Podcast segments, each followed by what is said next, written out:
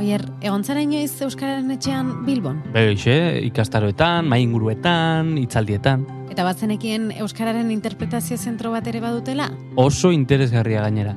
Eta Euskararen inguruko beste proiektu asko babesten dituzte, adidez, zuzeuko gaztea saria. Eta maite goiniren amar minututan podcast saioa ere Azkue Fondazioak babesten du. azkuefondazioa.eus Ikerketa baten arabera, nera bezaro aurreko gazten euneko laro geitabik, ez daki bere izten eduk informatiboaren eta patrozinatuaren artean.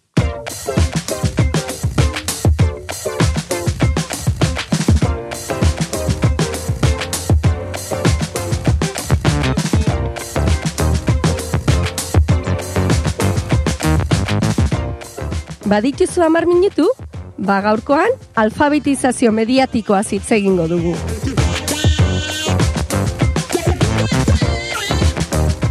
Alfabetizazio mediatikoa maite, e, e, ez dakit oso ondo zertaz ari zeren, beti bezala ni.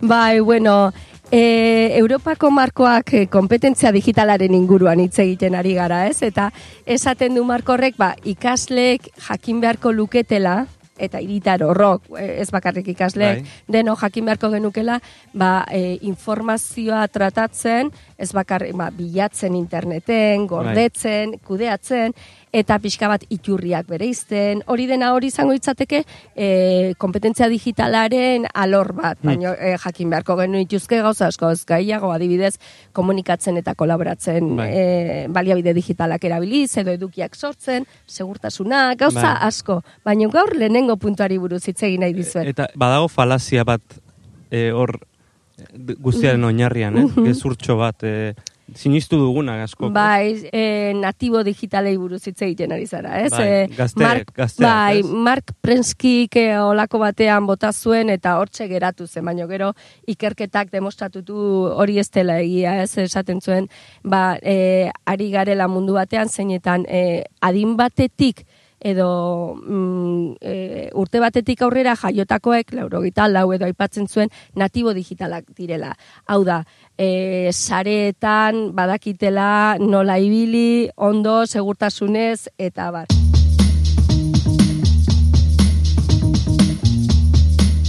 I have only one place to start. And I think that's the place we all need to start and end, and that's with the students. The important point is that the young people have invented new ways to do these things online. It's the emerging online life of the digital native. They communicate through instant messaging and chat. They share through blogs and MySpace. They buy and sell through eBay. They exchange peer to peer. They learn from Wikipedia and YouTube and searching. They meet in Second Life, which we don't even have time to talk about. They game online in the massive multiplayer games and on their cell phones, et cetera, et cetera. As educators, we have to know what's going on in this online life because that's where the kids are most involved and engaged. And this is not to say. Eta hori geratu da demostratuta, ba, e, gezur galanta dela. Ez daula etorkin, bueno, gu izango gineke etorkin digitalak Bai. teoria horren baitan, ez? that they are part of the digital generation. I had somebody.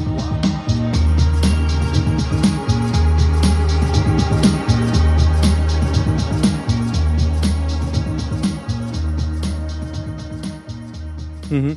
Eta e, gauza bat dela, e, ba, ba, abi- abildade hori ukitza e, ba, trasteatzeko edo edo manejatzeko horrelako gaiak, eta beste gauza bat da, ba, adibidez, sarean, e, Segurtasunez, Segurtasunez aritzea. kritikotasunez. kritikotasunaz e, hitz egiten dugunean, badibidez, bereiztea, esan, hasierako esaldi hortan esan duzu bezala, ez? bereiztea zer dan adar jotze bat, zer den informazioa, zer den e- egia, zer gezurra, zer den Hori.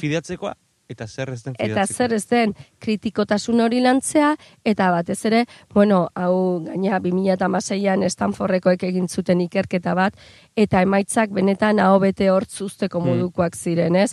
E, egin zituzten olako proba batzuk, ikasleak jarri zituzten olako hasierako webgune batean, eta e, jakin bereizten ia publizitatea saltzen zana, ba, hori esaten dizuna, publizitatea banear, Bai. argazkiak eta hori, hoiek denek bereizten zuten, baina gero badago beste publizitate mota bat patrozinatua edo deitzen dena, eta hor e, etz- etzekiten bereizten. Mhm. Etzekiten bereizten hori, ordun hori oso importantea da, eta ez bakarrik hori e, txio batzuk ere jarri zizkieten, jakiteko ia iturri horiek fidagarriak ziren edo ez, eta eta benetan e, horrelako proba batzuk ikerketa kontsulta liteke, e, benetan erreferentziazkoa da eta oso emaitza esanguratsuak, ez? Bai, Bai, gai- hitz egiten ari garen honen inguruan. Gaitasun hortaz. Bai, ez? gaitasun hortan. Informazio edo alfabetizazio mediatikoaz.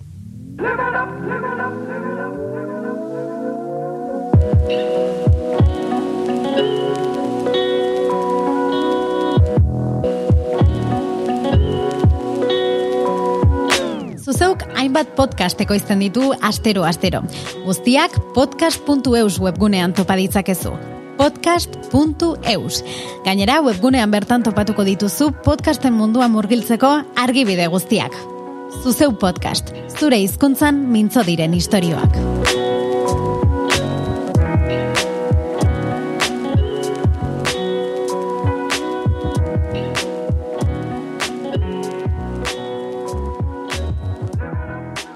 Orduan maite, eh, Mark Prenskik esandako eh, hori, ez? Edo Mark Prenskiren tesi hori nolabait gezurtatua gelditu zen, ez? Stanfordeko ikerketarekin, ala... Bai, bai, eta bestelare bai, eh? ikerketa asko egin dira ondoren, ez? Esan nahi dut oso ezagun egintzan garai hartan, baina, bueno, gero ja garbi dago, gaur egun oso garbi dago, ba, e, oso importantea dela hori lantzea. Eta horretan, e, eta hori izango ditzateke gaurko gaia, ez? Bai. E, e, gaurko gaian eskaini nahi nuena edo, galdeketa, ariketa bat proposatzea, ez, Bai. ikaslekin edo zein adinetan egin liteke, baina oso importantea da, adibidez, e, ikaslek autonomiaz e, informazioa begiratzen hasten direnean interneten eta bar, ba oso garrantzitsua da, ba, beraiekin e, ba, e, egitea e, jarduera hori ez, eta hori egin liteke etxean, egin liteke eskolan eta bar. Eta horretarako, e, badago galdeketa bat, e, nik aspaldi topatu nuena, eta eta oso baliagarri izan litekena euskeratuta dago eta gero ipiniko dugu helbidea ba irakasleren batek edo gurasoren batek nahi balin badu ba Oharretan dago helbidea, da, oharretan ipiniko Eta zer da dugu, ez? galdeketa hau? Ba, galdeketa horretan, eh, esan kontuan izan behar diren hainbat irizpide.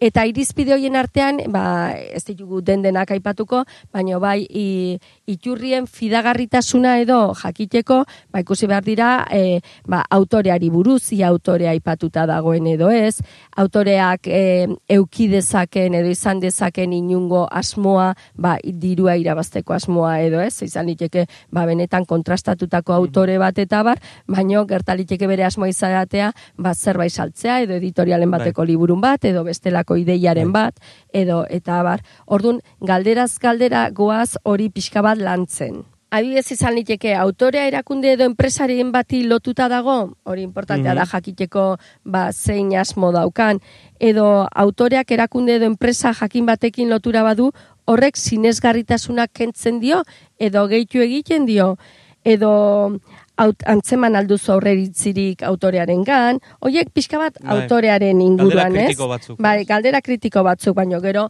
eh, jakin liteke adibidez, eh, data importantea da, edo linkak begiratzea, ia eh, link horiek esteka horiek eh, ba, indarrean dauden ala ez, eh, askotan ba, fake newsak eta hori eh, linkak jartzen dituzte estekak, baino ez dora inora, adibidez aipatzen da ikerketa bat eta ez da azaltzen ikerketa hori, eta adibidez azaltzen balin bada edo dataren bat, edo zerbait oso zehatza, ba, beste iturri batzuetara jo, eta ikusi eh, ba, eh, benetan datu hori Aztibili, ba, azti, aztibili behar da, ez? aztibili, eh, eh, en, invent bat edo fake bat ez dela Hori da. eh, identifikatzeko. Eta batez ere importantena ez da gai, eh, albiste konkretu baten identifikatzea ez. Importantea da gaitasun horiek agian- Garatzea. Garatzea, ez. Bueno, eta eh, suposatzen dut honekin geldituko garela, honekin eta beste zerbaiterekin. Bi gauzarekin geratuko gara.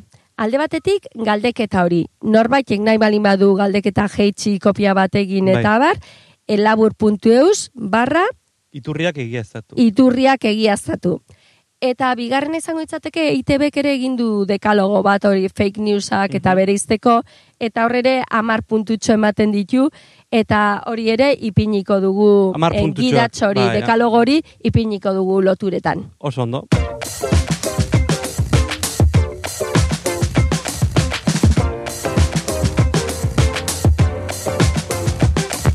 Ba, oier, hause izan da guztia gai honen inguruan. Aztibili. Aztibili!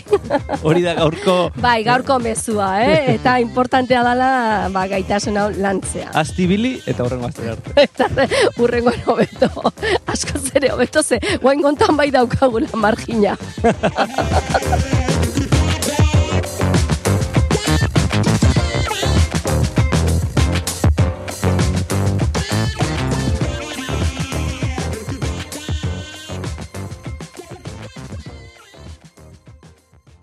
Edozein plataformatan entzun dezakezu